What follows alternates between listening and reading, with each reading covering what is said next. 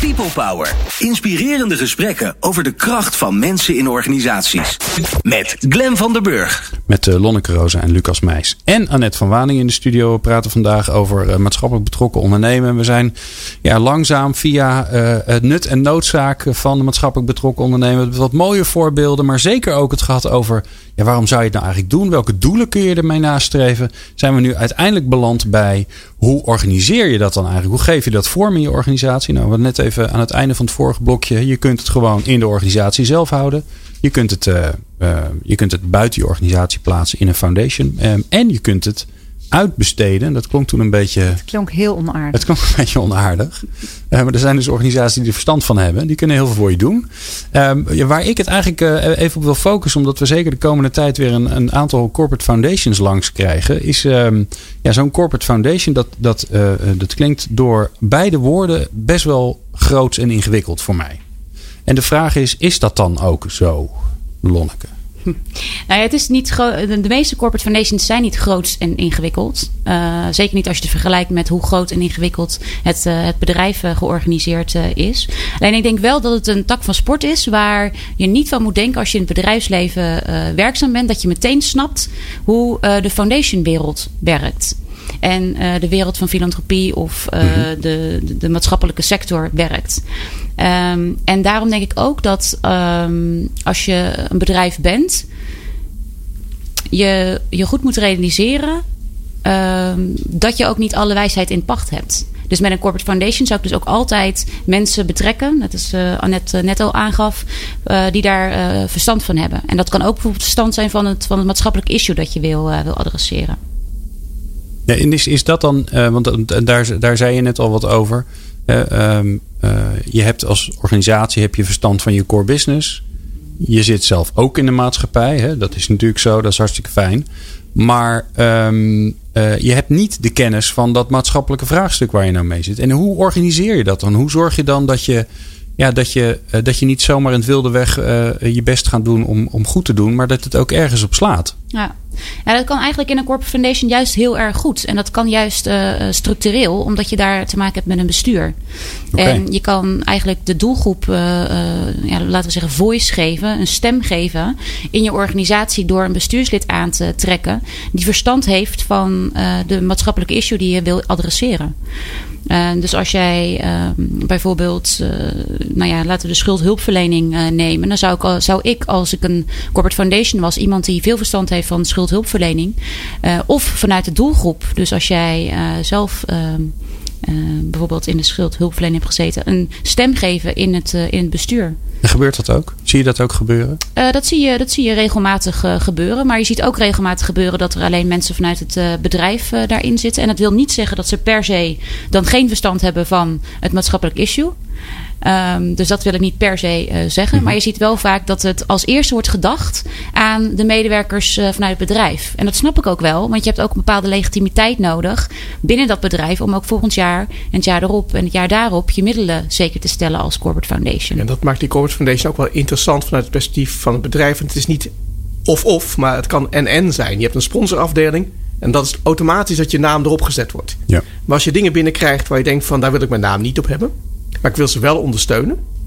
Of het is niet goed als mijn naam op staat. Dan heb je je corporate foundation. En in je corporate foundation kun je heel ander soort dingen doen. dan je in je sponsoringafdeling of in je MVO-afdeling kan doen. Ja. En je kan een heel ander soort discussie hebben. En wat dan ook net terecht zet.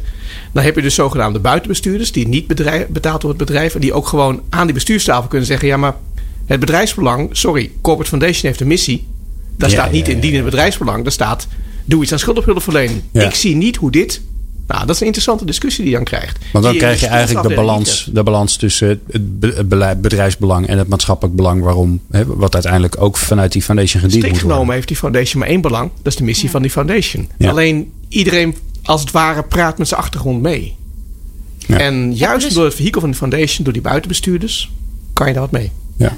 Maar kijk, het, het, blijft natuurlijk wel belangrijk, zeker als je 100% afhankelijk bent van de middelen van het bedrijf, om dat perspectief mee te nemen. Want ook als jij, uh, stel je voor dat je geen corporate foundation bent, maar je bent gewoon een, goed doel en je wil samenwerken met, met het bedrijf hou je dat ook altijd in je achterhoofd. Van wat zou het bedrijf hier aan hebben? En als je dat compleet loslaat als, als corporate foundation, uh, dan verlies je gewoon je legitimiteit. Dus het is wel belangrijk om, om dat ook mee te nemen. Hm. Maar het belangrijkste is natuurlijk wel die sociale missie. Ja. Nou ben ik, hè, dan gaan we even. Ik, ik heb uh, drie fantastische adviseurs hier in de studio. Ik, ik heb een enorm eigen bedrijf. Er werkt toch zeker één iemand. En ik, ga, ik wil wel een corporate foundation opzetten. Dat lijkt me wel wat. Waar moet ik beginnen?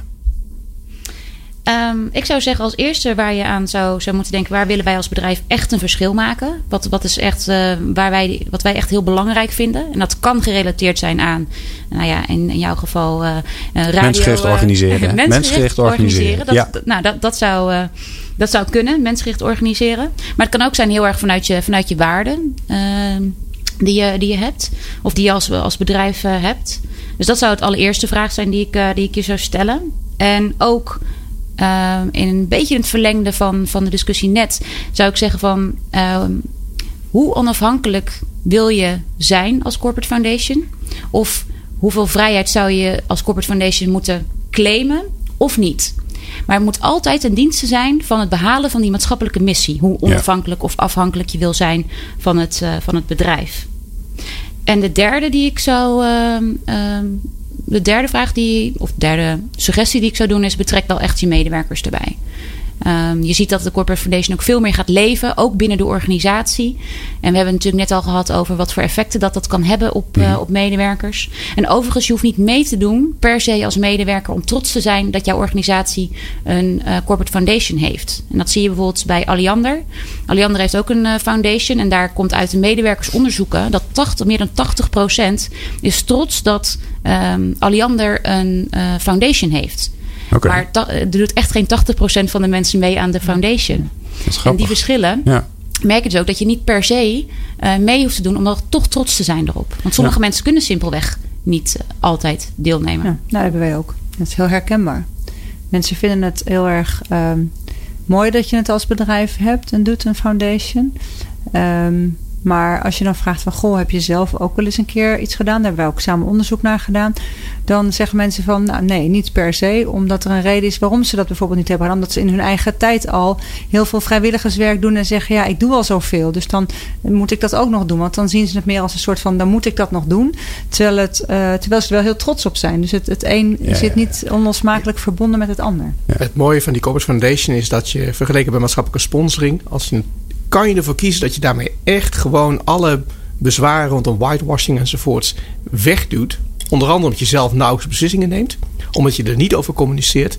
Of omdat je bijvoorbeeld echt ook gewoon de, de zeggenschap echt overgedragen hebt naar anderen. Ja, je kunt zeg maar alle.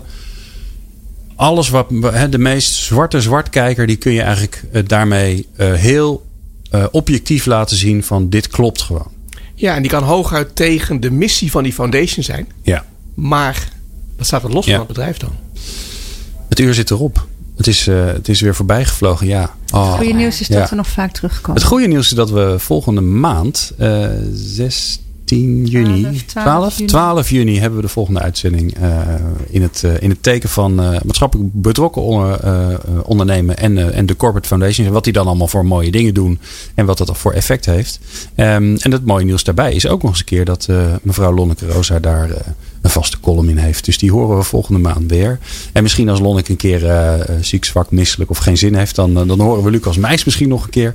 Um, en in ieder geval horen we um, Annette van Waning, want die zal er elke maand bij zijn. En volgende maand uh, staat ze zelf centraal ja. met uh, de Verbego Foundation. Dus fijn dat je luistert. Volgende maand weer, 12 juni. Dankjewel Lonneke Rosa, Lucas Meijs. Dankjewel Annette van Waning. Annette, je blijft aan de andere kant van het uur gewoon nog. Dus ja, we spreken je straks luisteren. Weer. We gaan het over impact hebben, ook spannend. Ja, in het tweede uur van People Power ontvangen we Arthur Dunneré van de Koekjesfabriek. Uh, ja, en um, ja, die, die doet hele spannende dingen met koek. Die zorgt er namelijk met koek voor dat mensen zich weer onderdeel voelen van de maatschappij. Dus blijf lekker luisteren. Meepraten, meepraten of meer programma's? people-power.nl